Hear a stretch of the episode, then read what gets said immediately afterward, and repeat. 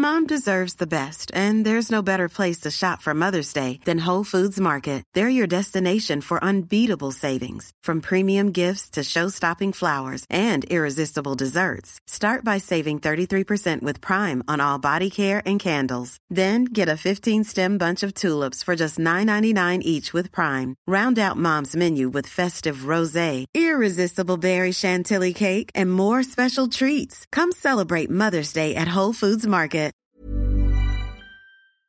Det är ett sätt att börja tycka om sin kropp. Det, fick, det, var, det blev så för mig, Mm. tack vare dig. Att, eh, att faktiskt, de här små förändringarna som jag börjar göra med morgonrutinen, att det handlar om egentligen om att börja uppskatta kroppen mer och mer. Mm. Att faktiskt vara med och läka den och, och ja, tycka om den helt enkelt. Välkomna till Ayurveda-podden, en av Sveriges första podcasts om ayurveda. Vi ska prata om vad ayurveda är för något. Är det bara en diffus filosofi eller kan den lära främja ett friskare liv? Syftet med den här podden är att låta ayurveda gå från något abstrakt och avlägset till något konkret och lättillgängligt. I podden hör ni mig, Johanna Mård, och ibland även mina inbjudna gäster. Och tillsammans kommer vi undersöka hur ayurveda kan göra en skillnad för oss alla och vår hälsa. Än en gång, varmt välkomna. I det här avsnittet kommer vi att gå igenom vad ayurveda egentligen är för något. Om det är helt nytt för dig så kommer du alltså få en förståelse för vad det handlar om. Men det kommer även bidra till dig som redan kan en hel del om ayurveda. Och några av de saker vi kommer gå igenom är själva definitionen av ayurveda och hur vi idag med ganska enkla medel kan få stor behållning av den här läran när vi börjar praktisera den. Och vi kommer också prata lite om vad som skiljer det ayurvediska perspektivet från det västerländska när det kommer till hur man ser på världen. Och självklart kommer vi gå igenom det som är själva grunden i ayurveda och det vill säga de fem elementen. Och med mig idag har jag min vän Virginia Horniak. Hej! Hej! Hej. Välkommen hit! Tack snälla! Det känns så kul att ha dig här. Ja, men jätteroligt, spännande. Ja, Ja. Och jag har ju bjudit in dig för att du kan lite grann om ayurveda. ja. Men det är ganska nytt för dig också. Ja, jag kan väldigt lite om ayurveda. Det är Ja. en eh, stor pool man kan utforska i. Eller hur? Ja. Det är ju det. Ja. Det, är, det är verkligen sant. Det är en stor pool. Det finns mycket att utforska. Ja. Men, Men- du är lite bekant med det. Jag är lite bekant Mm. med det. Det är du som har lärt mig det, Det- jag kan. ja. Ja. Så vi får se idag hur mycket jag har lärt egentligen. ja. Nej, men jag har ju bjudit in dig för att det här är ett av de första avsnitten av Ja. Ayurveda-podden och vi ska gå igenom grunden. Och då vill jag ha med mig någon gäst som kan liksom få vara eh, en, eh, ja du är här som en liten nybörjarroll som bara kan få hjälpa mig att hålla det här to the basic. ja. Så att vi liksom håller det på en enkel nivå som är lätt att relatera till. Ja. Eftersom det är själva syftet med hela den här podden. Ja. ja. Om, om du vill berätta lite mer om dig själv, vad skulle du säga då? Ehm, jag är eh, tvåbarnsmamma. Det är ofta så vi kvinnor börjar med att Just det. inleda. Ja. Det är vem jag är. ja, det är vem jag är. Okej, så du har två barn? Jag har två barn. Jag har två barn. Jag bor på Åland. Jag Mm. är från Stockholm ursprungligen. Har bott nästan hela mitt liv i Stockholm. Jag är eh, IT-konsult var jag i- både i, i, i Sverige, här i Stockholm var jag det och jag är fortsatt det på Åland. Jag jobbar eh, ja, med olika delar inom IT, informationssäkerhet och krav och sitter mycket vid datorn när jag sitter vid datorn. Jag jobbar eh, deltid, vilket är helt fantastiskt med det livet jag har skapat mig nu på Åland. Mm. Eh, vi bor ute på landet och har det jätteskönt Mm. om dagarna. Mm. Ja, Ja, ja, det jag har hört liksom om ditt liv och din, och din mans liv på ja, Åland. ja, Det låter ju lite som en dröm för mig också. Ja. Lite Ja. faktiskt. Att bara få vara där på landet och bara njuta av allt ja, det som det innebär. absolut. Det har Mm. sina utmaningar också förstås. Ja, Man det- kommer från Stockholm, eh, från innerstan med alla lampor och lyktor Mm. överallt till, till ett eh, mörkt landskap på Åland. Ja. Men det är som ofta blå, blåsigt, men det är jättehärligt, Ja. jättevackert. Kul att uppleva och se en annan, ja det är en annan annat livssätt, liksom, livsstil, en livsstil. Så perfekt när man har två små barn. Mm. Riktigt skönt att gå ner i, i tempo. Ja, Vad härligt. och lite se vad, vad är som är viktigt i livet. Eller hur? Ja, Ja, vad fint. ja. Ja, jag ser fram emot att komma och hälsa på någon ja du är varmt välkommen. Ja. Okej, så jag tänker att vi sätter igång Ja. och börjar prata om ayurveda. Som är det vi Spännande. ska göra idag. Ja.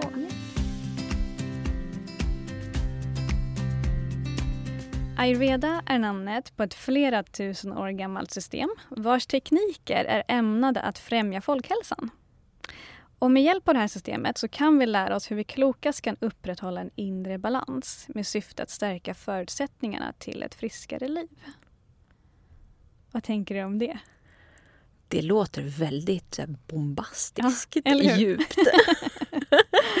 Ja, Men eh, är, det inte det liksom, det är väl det som eh, vi vill, det är väl syftet, tänker jag. Att, fri, Ja. att liksom bara vara friska. eller hur? Och Ja. stärka det friska. Ja, Så um, idag pratar man en hel del om att liksom jobba eh, hälsofrämjande. ja. Och det är verkligen vad ayurveda handlar om. Shit. Ja. Ja. För ayurvedans främsta fokus är att fokusera på det friska hos en individ Ja. och fortsätta stärka det. ja. Och inte fokusera på det sjuka då. Nej, det, det är faktiskt eh, fokus nummer två, säger man. Så det Ah. första är att stärka det friska hos redan starka individer. Ja. Och sen utöver det så kan man använda ayurveda för Ja. att liksom lindra och läka eh, det som är ur balans också. Ja. Så det är alltså tekniker som är ämnade att främja folkhälsan. Och som du kanske vet så kommer dessa tekniker ursprungligen från Indien. Men ayurveda har ju länge varit känt för västvärlden. Och på 70-talet så fastställdes världshälso, så fastställde Världshälsoorganisationen WHO att ayurveda är en av de effektivaste metoderna för att arbeta med folkhälsan i tredje världen. Häftigt. Mm. Och eh, varför? Det är för att det är billigt och för att patienten många gånger kan genomföra sina behandlingar och kurer själv. Och resultaten av metoderna är påtagliga. Och ehm, ja, så numera är ayurvediska läkare alltid representerade på de här årliga mötena med WHO. Det är rätt coolt. Ja, det är rätt coolt. Det är så det är, ju verkligen, det är ju verkligen erkänt Ja. eh, i vår värld här idag också. Ja. Vet du när det kom till Sverige? Eller när det kom till Sverige, som det vore någon modefluga. Ja, men, men precis. men när man börjar prata om det i Sverige. Ehm, nej, jag Nej. vet inte. Nej. Alltså, det finns säkert människor som kan säga att de har pratat om det i 50 år. Ja, Eller mer ja. i Sverige kan Ja, tänka mig. Ja, Men 70-talet det VH var som WHO ja, som erkände det. som Liksom. jag kände. Ja. Ja. precis. Ehm, men eh, ayurveda har hängt med mycket längre än 70-talet. lätt. Så alltså, ayurveda är något som människan började praktisera för mer än 5000 år sedan. Eh, och trots det så hänger den här kunskapen fortfarande kvar i Ja. vår moderna tid. Och då kan man ju fråga sig varför. Och svaret är för att det funkar. Ja, Det är liksom simple as that. så. För om ayurveda bara var en abstrakt teori som man använde för länge, länge sedan så skulle den här läran inte längre vara känd för oss idag. ja, Men ayurveda finns fortfarande tillgängligt. Och eh, min upplevelse är att det aldrig tidigare varit liksom ett större intresse kring ayurveda än vad det är idag. Och det är också vad många säger som är liksom mer insatta i det. Både dels i Sverige men även globalt. Liksom I väst så börjar fler och fler få, få upp ögonen för ayurveda. Är det, tror du, för att vi nu för tiden börjar bli så sjuka? Skulle kunna vara. Ja. Jag vet inte. Jag skulle nog säga att det handlar mer om att jag tror att fler och fler ehm, lite får upp det här äh, insikten om att jag har eget ansvar över min hälsa. Tidigare var det mer vanligt att man så fort man blev sjuk gick man till sin läkare och bara lyssnade på honom eller henne. Mm. Vilket man många gånger behöver idag också. Mm. Men jag tror att allt fler börjar inse att jag kanske kan göra mer för mig själv och min hälsas skull innan jag behöver gå till en läkare. Mm. Och då börjar man titta efter de här alternativen. Och då dyker ayurveda upp som ett väldigt ehm, rimligt alternativ när man söker någonting för att främja sin egen hälsa. ja. Med rätt enkla medel. Eller hur? Ja. Eller hur? Ja. Och vi har verkligen så mycket att vinna på att lära oss mer om den Ja. här kunskapen. Och om jag skulle förklara ayurveda och vad det handlar om i enbart en mening, vilket Ja. jag ibland kan tycka är lite utmanande. Men om jag skulle göra det, då skulle jag säga att ayurveda är ett system för självläkning, vilket enbart är möjligt genom självkännedom. ja. Häftigt. Mm. Alltså att lära känna, att lära känna sig själv. Och, och hur... Vad häftigt. Och du som kan lite grann om ayurveda, skulle Ja. du liksom hålla med om den definitionen? Ja, det är en väldigt bra koncis mening. Eller hur? För någonting så stort. Ja, för att det Ja. handlar verkligen om att lära känna sig själv och sen utifrån hur man är börja att anamma de metoder som finns. Och inte bara greppa, alltså för vi alla människor är väl olika. Mm. Och att bara gå en standard, det finns ju ingen standardväg för alla. Ett, ett sätt för alla, utan just hitta sitt sätt. Det är Precis. sant. Väldigt bra, bra förklarat men i en tack. mening. Så, eh, och det är precis som ja, vi har sagt här flera gånger att ayurveda är stort. Ja, Men till de som är helt nya inom här så vill jag säga ge inte upp för det. eh, Utan ta dig an en pusselbit i taget. För det går ganska snabbt att få en liten förståelse. Och med det lilla så kan man börja göra små justeringar i livet. Som faktiskt också ganska snabbt kan göra att man upplever en stor skillnad. Och det här betyder alltså att det inte behöver vara särskilt avancerat eller ta lång tid för att må bättre med hjälp av ayurveda. det är sant. Eller hur? Det är sant. Små, små steg. Och du har ju praktiserat ayurveda lite grann. Ja, jag skulle säga er, försök göra det ordentligt sen i maj, Mm. något sånt, april. Ja. Och det är verkligen små, små förändringar i vardagen som Mm. gör stor skillnad i välmåendet. Eller hur? Ja. Ja. Det är inget liksom quick fix för att gå ner i vikt 20 kilo på tre månader utan det är bara att ja, först och främst just att dels lära känna sig själv som du var inne på. Mm. Vad, hur- vad är min liksom grund? Hur ser jag ut från grunden? Mm. Och sen att anamma små, små förändringar. Men gör verkligen att kroppen... En stor grej det är ju i och för sig yogan som du har fått mig. Den har liksom bara ramlat ner från himlen Mm. på mig. Jag har ju alltid gillat yoga.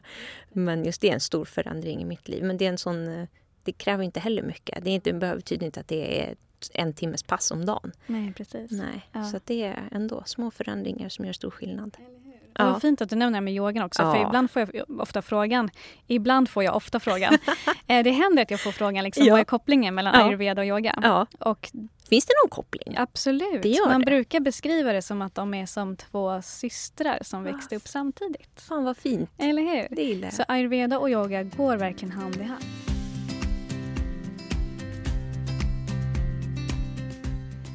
Det sägs ju att det finns ett starkt samband mellan hur du mår och hur du lever ditt liv. Och här kommer ayurveda in för att ge oss förklaringar. Svar och förklaringar.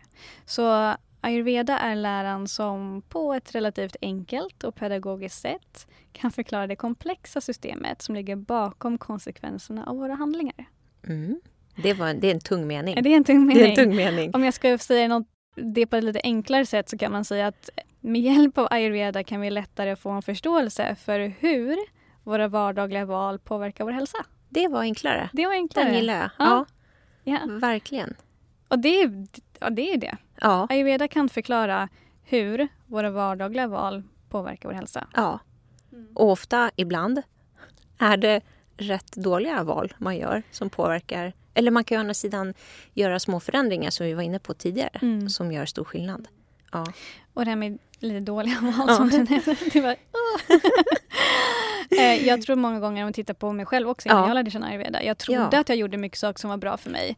Men sen så eh, lärde mig med ayurveda och insåg att ah, det jag gjorde var kanske inte det bästa för mig. Det kanske funkar för många andra men funkar inte för mig. precis. Så det är det ayurveda liksom ger oss svar på. Ja, Vad behöver du göra för att du ska må som allra bäst? ja. Och för att lättast få en förståelse för vad ayurveda egentligen är och hur allt fungerar så behöver man ju praktisera det. För när vi praktiserar det vi hört eller läst så kan vi ju känna skillnaden i vår kropp och vårt sinne. Och då blir det plötsligt ännu lättare att förstå det här med att det finns ett samband mellan orsak och verkan. Det vill säga att det finns ett samband mellan ja, men hur vi lever och hur vi mår. Men för att ta reda på vad just var och en av oss behöver för att hålla oss i balans så behöver man ju bli självmedveten och lära sig att ständigt lyssna in och förstå det språk som kroppen använder när den talar till oss. För om det är något kroppen gör så är det att den pratar med oss ja, hela tiden. hela tiden. Men det är inte alla som kanske tänker på det. Ja, Ehm, eller jag tror att det är kanske många som är medvetna om det men inte alla som är så uppmärksamma på det. ja. Så jag tror att om fler bara skulle bli lite mer uppmärksamma på vad kroppen försöker säga och därefter agera utifrån det så tror jag att dagens livsstilssjukdomar skulle minska ja. ganska dramatiskt. Det är sant. Mm. Jag tänker just bara det här med magont som många ser som Eller så stressmage eller ah, det är för att jag är lite stressad. Mm. Jag har druckit lite för mycket kaffe kanske. Men att det är faktiskt sån tydlig signal till att något börjar gå åt helvete med kroppen. Ja, eller hur? eller hur? Ja. Så får man hoppas att det kanske inte alltid är på väg åt helvete. Nej. Men, nej men eller hur? Men alltså, Ja. det, det händer ju massa saker i kroppen Ja. hela tiden. En signal. Och det är många, precis signaler. Och det är många Mm. som inte riktigt bara eh, liksom, låter det ta sin uppmärksamhet. Så man kanske Ja. bara blundar lite för det. ja. Eh, men jag kan berätta ett, eh, ett exempel om just det. Så var det, jag träffade en annan person på ett fik för ett tag sedan. Ehm, och då sa han till mig, han sa så här, Johanna, du förstår ju att när man får huvudvärk så betyder inte det att kroppen säger Hallå, nu har jag lite brist på paracetamol. Det var bra. Det är ju någonting annat som kroppen signalerar när vi får ont någonstans. Det är sant. Det är Eller sant. hur? Ja. Och jag har verkligen tänkt på det sedan dess. Ja. Alltså den storyn att så här, när vi får ont någonstans så många tar ju värktabletter och verkligen Ja. ibland kan ju det vara nödvändigt. Vi behöver det. Men jag tror att Absolut. ibland kan det också vara nödvändigt att fråga sig vad är alternativen? Precis. Och just varför får jag ont? För det är ju inte kroppen säger nu har jag brist på värktabletter. Det är Nej. inte därför vi får ont. Nej. Det är någonting annat som händer egentligen. Verkligen. Jag är ju gammal migränmänniska, eller Mm. vad man ska kalla det för. Jag har haft migrän sedan jag var liten. Och det är verkligen som du säger, någonting som man inte... Det, det ligger så mycket i bakgrunden. Och det är inte heller bara att, i, att vara, jag har gjort något fel i stunden. Utan det kan vara något jag har gjort något fel för en stund sedan.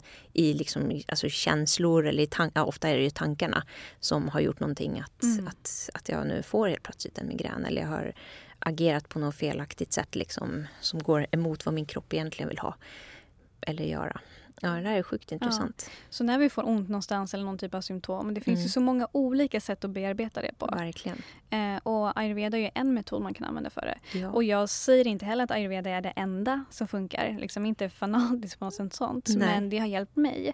Eh, och så det är därför jag har den här Ja. podden också. För jag vill bara att fler ska få höra talas om det. Ja. Och sen får man hitta det som funkar för sig själv. ja.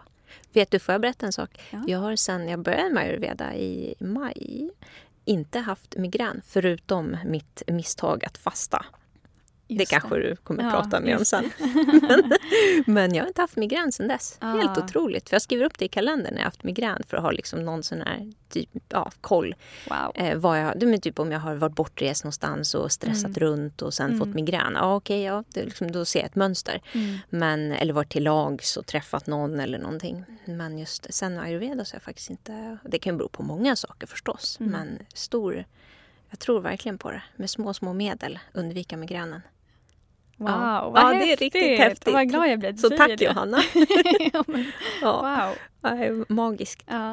ja, vad häftigt. Ja, det finns mycket att lära och mycket Ja. att vinna på det som vi sa i början också. Verkligen. Ehm, Men om man nu tänker så här, men hur ska jag lära mig förstå kroppens språk då? Ehm, Och veta vad den behöver och när den behöver vad. Så säger jag att svaret är ayurveda, Yes. eller hur? Ja. Ehm, För det är faktiskt vad den här läran handlar om. Att bli mer självmedveten och lära sig förstå kroppens och sinnets signaler och utifrån det finna sin egen väg till en kost och livsstil som funkar allra bäst för en själv.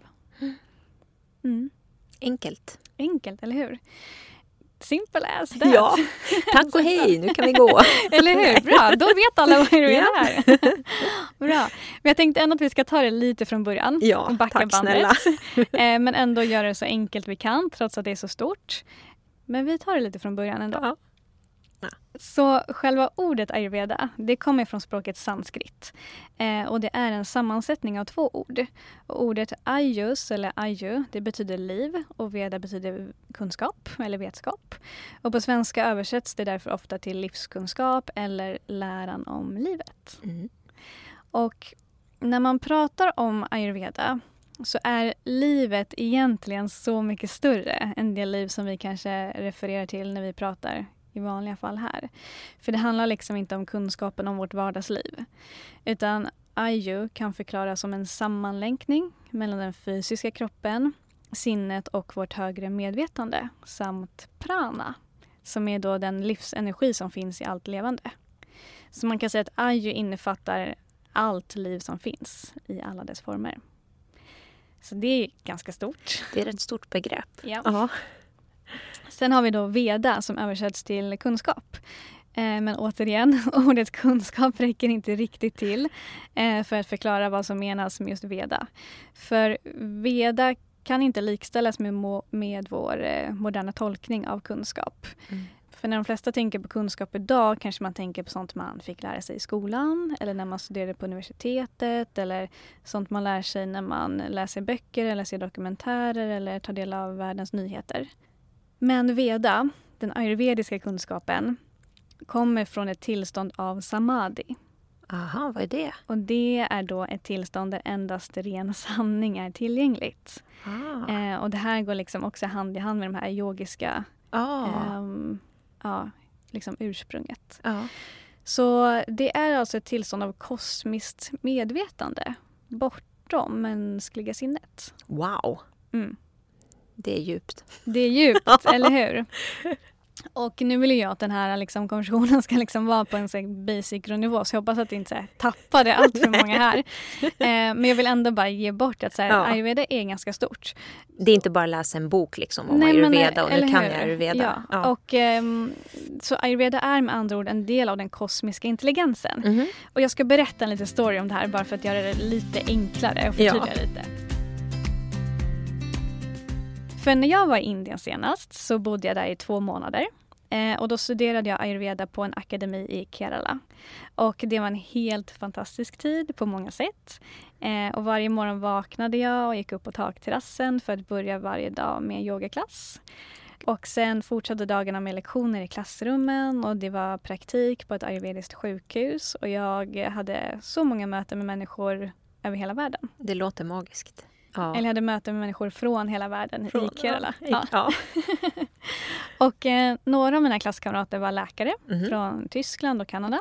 Och andra var sjuksköterskor eller kockar från Belgien. Och så hade jag några eh, klasskamrater som var nutritionister från Australien. Så det var verkligen väldigt blandat. Häftigt. Men alla kom dit hade gemensamt intresset och ville lära sig mer om ayurveda. Och utöver mina klasskamrater så träffade jag också andra som hade åkt dit för att rehabilitera sig. Jag träffade bland annat en person som var där för att rehabilitera sig efter en lång cancerbehandling. Och en annan som var där för att hålla hennes kropp i balans då hon flera år tidigare, flera år tidigare hade fått en MS-diagnos.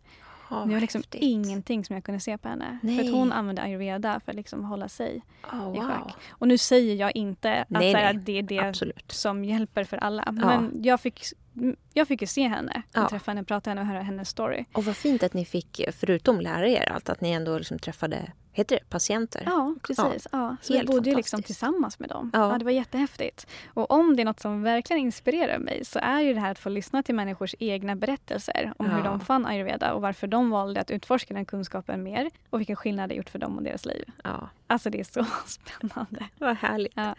Och en varm kväll när vi satt där tillsammans, ett gäng, åt middag så var det en kille som frågade. Eh, det var en kille från Brasilien. Ah. Eh, och han frågade, men vem var det egentligen som uppfann ayurveda? Och då var det jag som svarade på det. Ja. För att jag bara några dagar tidigare hade ställt samma fråga till en av mina lärare. Och svaret är ingen. Wow!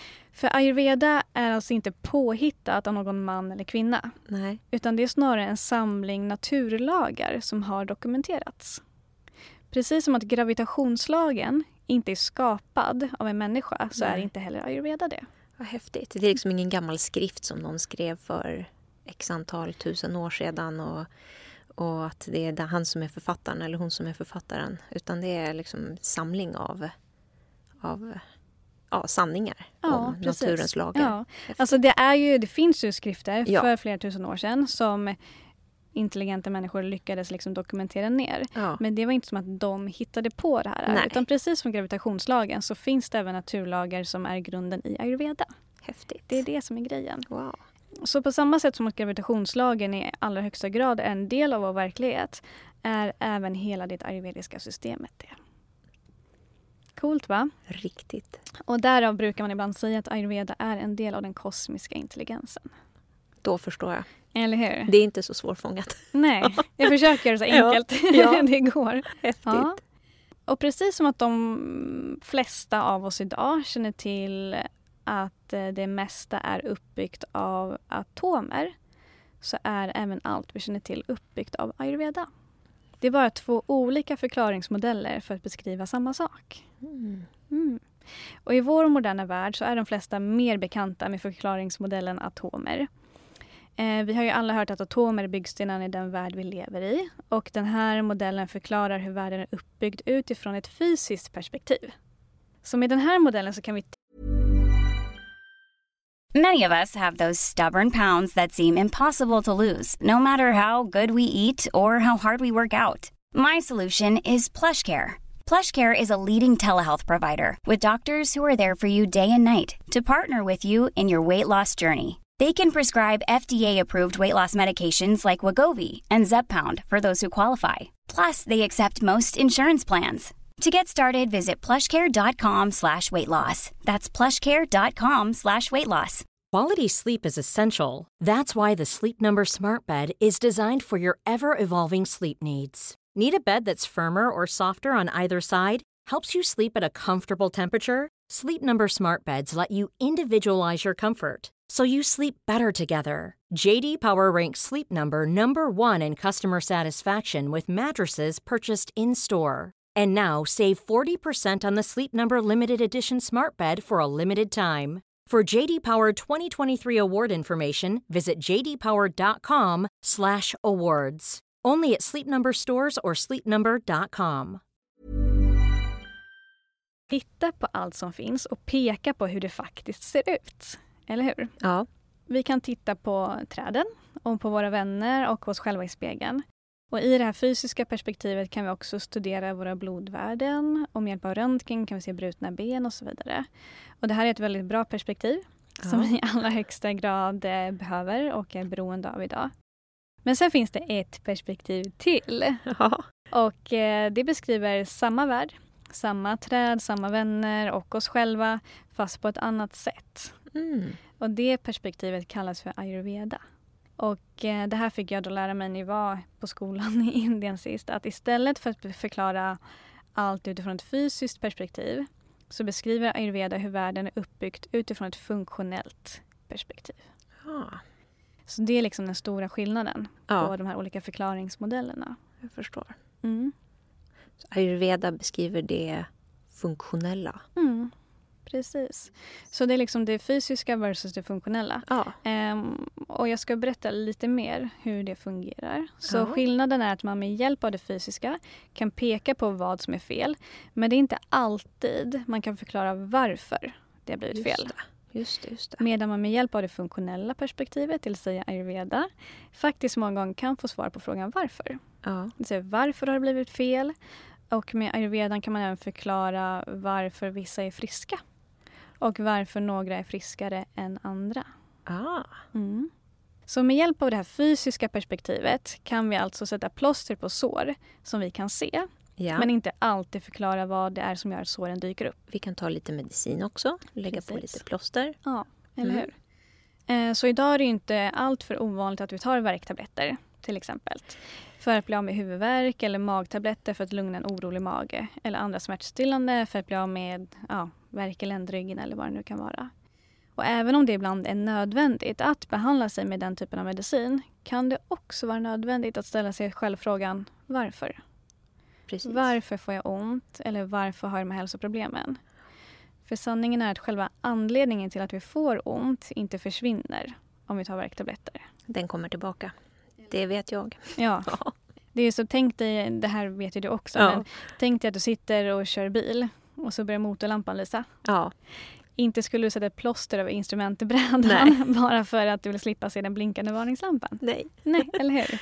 Istället skulle du se till att få svar på varför det Precis. blinkar och vad som har hänt och se till att lösa det problemet som ligger till grund för att motorlampan började lysa. Precis, absolut. Gärna så snart som möjligt också.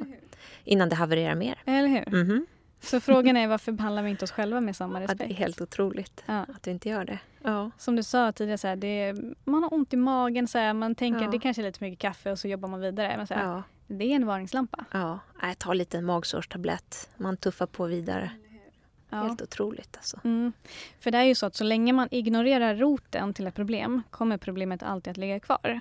Oavsett hur många plåster man använder. Ja. Mm. Och här kan vi då alltså ta hjälp av ayurveda. För den här läraren kan förklara varför vi mår som vi gör och vad vi kan göra åt det för att må ännu bättre. Häftigt. Så om vi ska ta det här ayurvediska perspektivet på världen så förklarar ayurveda att eh, hela universum är uppbyggt av fem olika element. Just det. Och de elementen eh, kallas för rymd, luft, eld, vatten och jord. Och eh, allt som finns på vår planet och runt om oss i universum är alltså enligt ayurveda uppbyggt av de här fem elementen. Och vi ska komma ihåg nu att det här är en förklaringsmodell som beskriver världen utifrån ett funktionellt perspektiv. Ja. Eh, och det betyder att ayurveda förklarar hur världen fungerar på ett sådant sätt att det blir ganska enkelt för oss att förstå hur allt hänger ihop. ja. Så det är det man såg då för många, många tusen år sedan när man skrev de första böckerna. Att här, vi behöver förklara på ett ganska enkelt sätt hur världen hänger ihop. Därför Mm. liksom, kan vi formulera det här funktionella perspektivet. Precis. Och då använder vi de här fem elementen som byggstenarna i, i allt det här. Och det funkar än idag. Och det funkar än idag. Ja, det, är är det, rätt som är så coolt. ja. Det är det som är så coolt. Ja. Så rymd, luft, eld, vatten och jord är alltså byggstenarna i allt som finns. Mm. Från de största planeterna till de minsta cellerna. Mm. Och således är ju även vi människor det. Ja. För vi är ju en del av det här universumet. Ja. Och det vore konstigt om vi var byggda av någonting annat. Eller hur? Ja. Ja.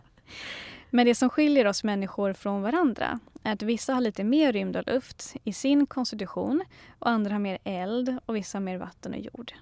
Kan det förändras under livets gång? Ehm, nej, det gör inte det. Det gör det inte. Ja, jag kommer komma in lite mer, vi kommer komma in lite mer på det här alldeles strax. Men ehm, när jag säger konstitution Ja. så menar jag liksom eh, din, du kallar det för din grund. Grund, Liksom din ja. grunduppbyggnad. ja. Eh, och eh, den, den får man liksom Serverad. Här. serverad. Precis. Det här är den du är. här är din grund, eller hur? Livet igenom.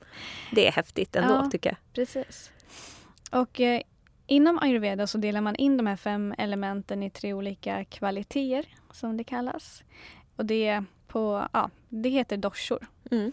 Och de här tre doshorna har var och en unika egenskaper. Och de styr olika processer både inom oss och runt omkring oss. Mm. Just ordet dosha, det kommer också från sanskrit. Ja. Och det översätts till det som kan komma ur balans.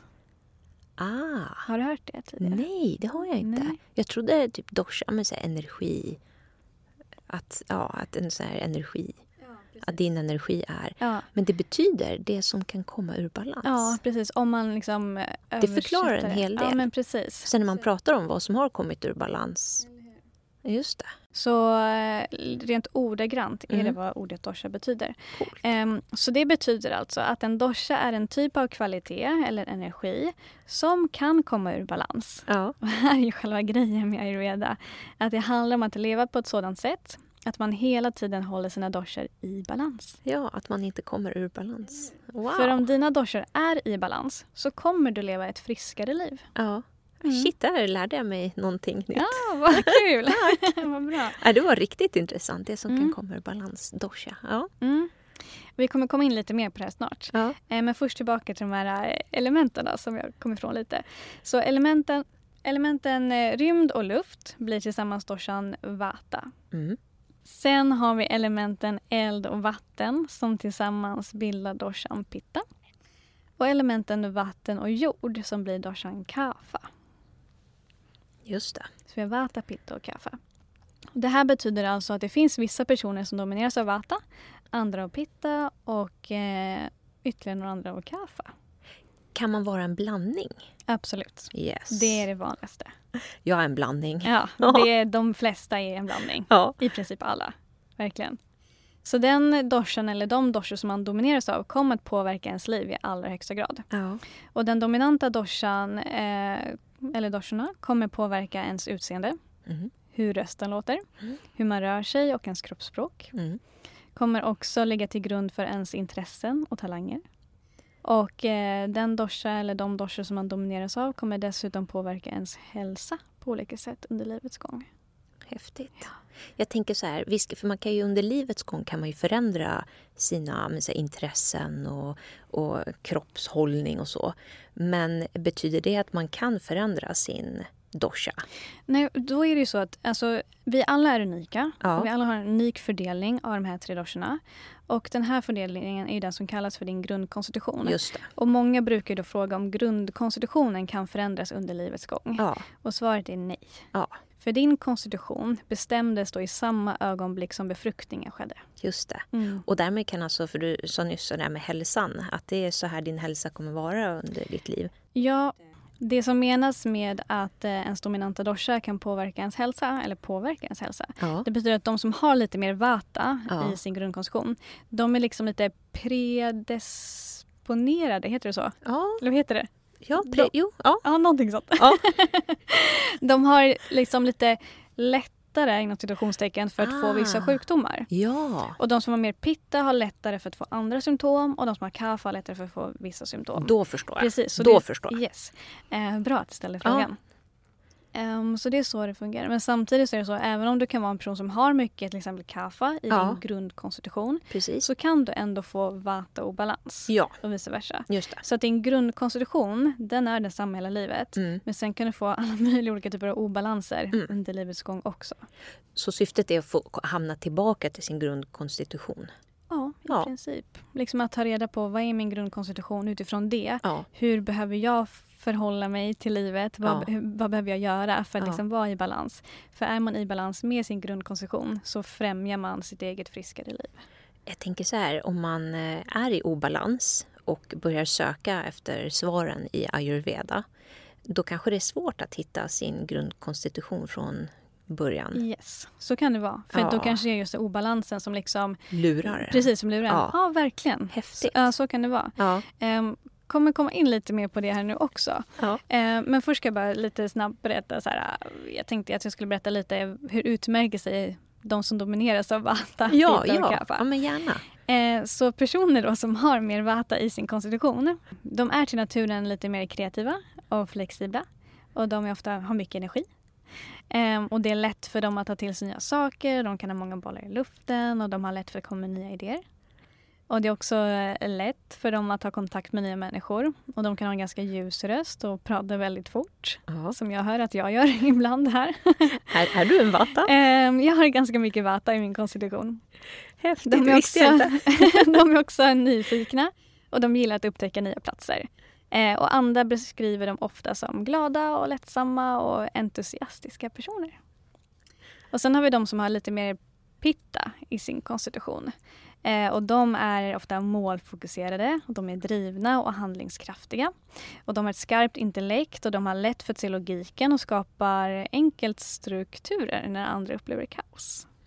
Och de tar också gärna, de är de här som gärna tar tag i projekt och ser till att det händer grejer. Och det är lätt för dem, att do, det är lätt för dem som domineras av Pitta att eh, ta sig an en ledarroll. Eftersom de själva trivs i en sån roll och samtidigt som andra känner tillit och de ofta har koll på läget. Mm.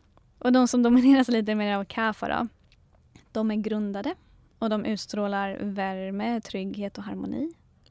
Och eh, det gör att andra gärna vänder sig till dessa personer för att få lite stöd i livet.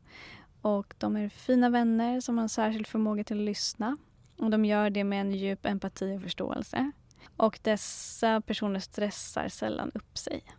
Utan de är istället väldigt metodiska och tar en sak i taget. Att, ehm, just det, här, att få reflektera och låta saker ta sin tid är också viktigt för de som har mer kaffa i sin konstitution. Mm. Intressant. Men då kan man ju fråga sig om det här betyder att det bara finns tre typer av människor. Det gör det inte va? Nej, det gör ju absolut inte. Självklart inte. Nej. Och många brukar säga att de känner igen sig i flera av de här typiska karaktärs, karaktärsdragen för olika doshor. Vilket inte alls är konstigt eftersom att vi har alla en kombination av alla tre doshor. Men de flesta brukar ändå ha liksom en eller två som överväger den tredje. Och det betyder att de flesta har en kombination av till exempel vata pitta eller pitta kapha som är Just liksom det. dominant. Just det. Mm. Jag är kaffapitta, Mm. har jag förstått det som Yes. nu. Och sen är det också så att ehm, alla har sitt unika sätt att föra sig i livet och uttrycka sin grundkonstitution. För ingen är ju någon annan helt lik. Så man kan säga att vi alla är unika individer som i olika grad är influerade av Vata, Pitta och Kapha. Sen kommer vi in på det här som Eh, eller jag ska fånga upp det som du frågade här innan. Jag kom in på det här med eh, dorsorna. För det här kunskapen om ens grundkonstitution, som även kallas för prakriti, Ja, är egentligen inte det viktigaste. nej. Utan vikriti däremot, som är ett annat ord för obalans, det är det som är viktigast att ha koll på. Ja, För det här obalanserade tillståndet är ju det som liksom berättar vad du behöver jobba med just nu precis. för att du ska må ännu bättre. Ja, det har du rätt i. För skulle jag vet jag grundkonstitutionen, den ger mig ju egentligen ingen information. Förutom att det är så här jag är skapad. Ja, lite så. Och också så här, vet man sin grundkonstitution så kan man veta att eh, liksom oftast eller generellt lite så kanske det främjar mig att äta på det här sättet eller ha Ja. den här typen av livsstil. Ja, Men att hålla koll på vikriti, sitt liksom obalanserade tillstånd, är så mycket viktigare. ja, Mm. Obalans enligt ayurveda då, vad det betyder så innebär det att man har antingen fått för mycket eller för lite av någon dosha i förhållande till sin grundkonstitution. just det. Som jag sa i början, liksom, hela din kropp är uppbyggd av de här fem elementen. Eftersom allt i hela universum är det. Så vi har ju liksom vata, pitta och kapha i vår kropp. Ja, Och vissa har då lite mer vata, andra mer pitta och vissa mer kapha. Om man då får för mycket av någonting, om jag får för mycket vata i mig i Ja. förhållande till hur min grundkonstitution ser ut, då har jag fått en vata-obalans. Då har du fått en vattobalans. Så man kan se det som, kan man se det som så staplar. Absolut. Eh, Att, och, och då ska det, för att få kroppen i balans så ska staplarna vara enligt vissa nivåer. Precis. Som ens grundkonstitution då. Ja. Ja, Så det betyder heller inte att det ska vara jämnt, att det ska vara lika mycket vata, Nej, och kapha i alla. det. Just Utan just mina staplar är på en viss nivå Ja. och dina eh, är på en annan nivå. Därför behöver du och jag göra lite olika saker för att få våra kroppar i balans. Eller hur? Det är därför det inte är så här, en, en diet funkar för alla. Precis. Yes. Det är precis så det är. Ja. Ja. Så vi är då i vikriti, alltså ett obalanserat tillstånd, när vi inte mår helt hundra. Mm. Eh, när vi har lite ont någonstans eller när vi har värk eller problem med magen eller någonting annat. Men även när vi har en så här, går runt med en känsla av att det är någonting som inte är riktigt helt rätt. Mm. Vi kan gå runt med en känsla av att det är någonting som skaver. Det är också ett obalanserat tillstånd. Mm. För att må bra enligt ayurveda, det är liksom ett holistiskt perspektiv. Så att må bra handlar om att ja, allt ska funka. Alla inte bara sinnen. kroppen. Precis. Så ett friskt och balanserat tillstånd betyder att eh, både kropp, sinne och själ är i balans. Och ju mer man lär sig om ayurveda, desto mer självinsikt kommer man att få. Eh, och samtidigt kommer det också bli lättare att känna igen vilken dosha är det som har kommit ur balans. Och utifrån det så kan man ta reda på vad man behöver just nu för att man ska kunna må lite bättre. Just det. Så vad tänker du om det vi har sagt hittills? Det är väldigt bra sammanfattat. Att du, du har gått igenom alla de här begreppen tycker jag på ett riktigt b- konkret sätt. Gett förklaring till... Och jag tycker det här med obalans i, i kroppen och just do, doshan. Att det handlar inte om att alla staplar ska vara lika. Och vad, vad betyder en obalans? Det är ju att, att man har fått för mycket av någonting. Eller fått för lite.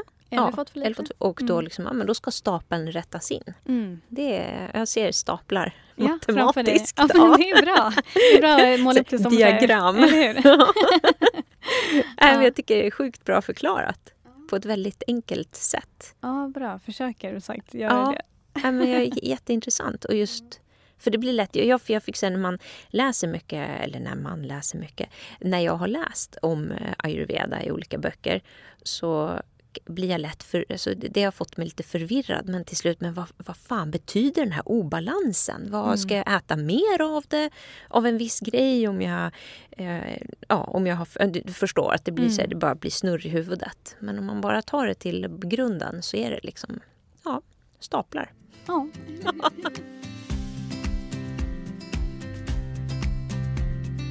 Så nu kanske någon undrar då, hur blir det obalans? Eller vad är det som gör att jag kan hamna i obalans?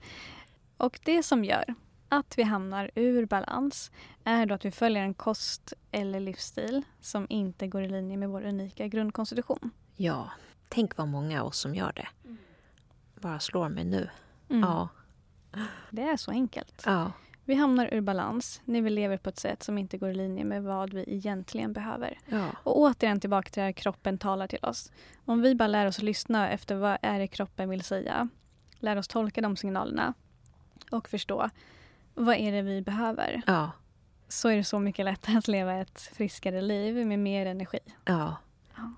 Och återigen, att alla kan inte göra samma eh, förändringar. Nej, Att alla kan göra samma saker. Mm. Så ayurveda menar alltså att det finns precis det. En särskild kosthållning och en särskild typ av livsstil som är särskilt gynnsam för just dig. Mm. Och om du tar reda på vad det är och gör det du kan för att hålla dig till det så kommer du främja din egen hälsa. Mm. Och det här var den första introduktionen till vad den här stora läran handlar om. Wow. Ja, så vi har gått igenom liksom lite basic. Jag tänker att eh, härnäst kommer vi prata lite mer om just doshorna och vad det innebär och hur man liksom kan hitta sin väg fram i livet. Och förhoppningsvis så hoppas jag att det kanske du, Virginia, Ja. har fått en lite större förståelse för vad det innebär och vilken Absolut. nytta just det här kan ha för, för dig. Och jag hoppas detsamma för alla som lyssnar såklart. Eh, och precis som jag sa i början så ayurveda är ett system för självläkning vilket enbart är möjligt genom självkännedom. Och det betyder alltså att vi behöver få en ökad självkännedom för att kunna ta hand om oss själva på bästa sätt. Vilket egentligen är väldigt logiskt. Faktiskt. Mm. Och det är klart att vi alla är unika. Och därför behöver vi olika saker för att må som allra bäst. Ja. Men vad ayurvedan också kan svara på är just varför vi är olika och vad var och en av oss behöver för att kunna leva på ett sådant sätt att vi håller oss i balans. Och en person som domineras av vata mår bra av en särskild kost och livsstil.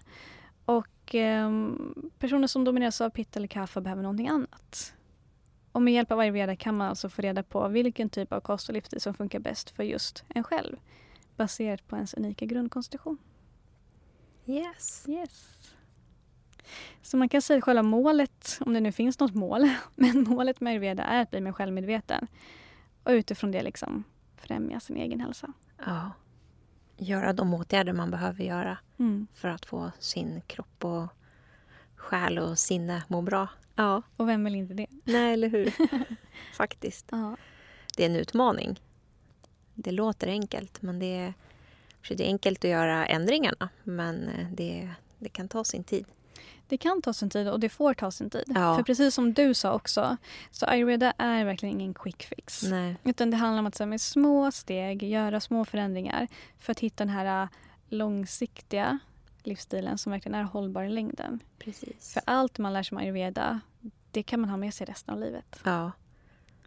Och ofta har man gått väldigt många år i obalans. Så Mm. det sitter liksom djupt. Precis, och Ja. det tar ett tag att liksom, Ja, ja, röra sig från obalansen till balans. precis, precis. Men där också bara verkligen ha, eh, vara ödmjuk med sig själv och inför sin resa. Ja, För det är värt det ja, att göra den resan. ja. Ja. Det är ett sätt att börja tycka om sin kropp. Det, fick, det, var, det blev så för mig, tack vare dig. Att, Mm. eh, att faktiskt, de här små förändringarna som jag börjar göra med morgonrutinen, att det handlar om egentligen om att börja uppskatta kroppen mer och mer. Mm. Att faktiskt vara med och läka den och, och ja, tycka om den helt enkelt. Ja. Känna på sin kropp. Ja, men det är så fint. Ja, Ja. Ja, det är det. är en stor viktig del. Jag tänker ibland ofta för oss kvinnor. Mm. Eller ska jag tala för mig själv? Men att faktiskt tycka om sig själv. Eller hur? Och vilja må bra. Mm. Mm. Ja. Och just det med att känna på sin kropp. Ja. Det handlar liksom om den här självmassagen Ja. som vi pratade om. Eller som, ja, som vi inte har pratat om. Nej. Men som, eh, Som du och jag har pratat som om. du och jag har pratat om tidigare. Som faktiskt är en ganska stor del i ayurveda. Ja. Man jobbar mycket med massage. Det är ett sätt att verkligen balansera eh, nervsystemet. Ja. Som ofta kommer ur balans när man har en vata-obalans. ja. Ja, Den är magisk. eller hur? Mm. Och i det också bara hitta den här självkärleken. Ja, Det är faktiskt. ju- Lära känna magiskt. sin kropp. Ja. Mm. Hur ofta gör man det i vanliga fall? Jag, liksom, jag har nog aldrig masserat mig själv förut. Men det är helt fantastiskt. Mm. Ja, ja. Ja, alltså fint sätt att starta dagen. Ja. Alltså jag är så glad att du har varit här. ja, men tack. Att du har kommit hela vägen från Åland Ja. för att spela in det här med mig. Ja. Så glad att få vara med. Jag blev så himla glad när du frågade. Ja, men, åh, Ja. Jag, verkligen, jag tycker bara att det är jag som ska tacka. Jag tycker det här är så intressant. Det finns Ja. så mycket att lära och Mm. var så kul att suga åt sig varenda lilla kunskap man kan få från dig. Mm. Ja. Ja. men vad härligt. Och jag tänker att eh, alltså min resa med Ayurveda har ju bara börjat. ja, Och eh, det ska bli kul att bara fortsätta utforska det här. så roligt. Hur länge har du hållit på med ayurveda? Ayurveda har varit en del av mitt liv i eh, lite mer än fem år, snart sex år. Ja. Häftigt. Och sagt det är stort. Det Ja. finns mycket att lära sig. Ja. Eh, jag kan en del. Ja. Och det jag kan vill jag dela med mig av. Ja. Eh, och sen fortsätta utforska det tillsammans med andra. Så kul. Ja. Så uppskattat faktiskt. ja. Vad kul att säga det. Ja. Det är fint. Men tusen tack. för att Tack du varit här. själv. Tack snälla.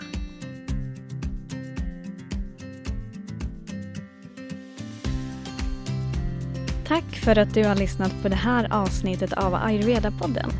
Dela det gärna med dina vänner så hörs snart igen. Och jag som pratar heter Johanna Mård och om du har någon fråga, fundering eller önskemål kan du antingen skicka ett mejl till johanna.javeda.se eller gå in på min hemsida javeda.se eller connecta mig via Instagram och där hittar du mig under namnet Johanna ayurveda. Och du, ta hand om dig. Namaste.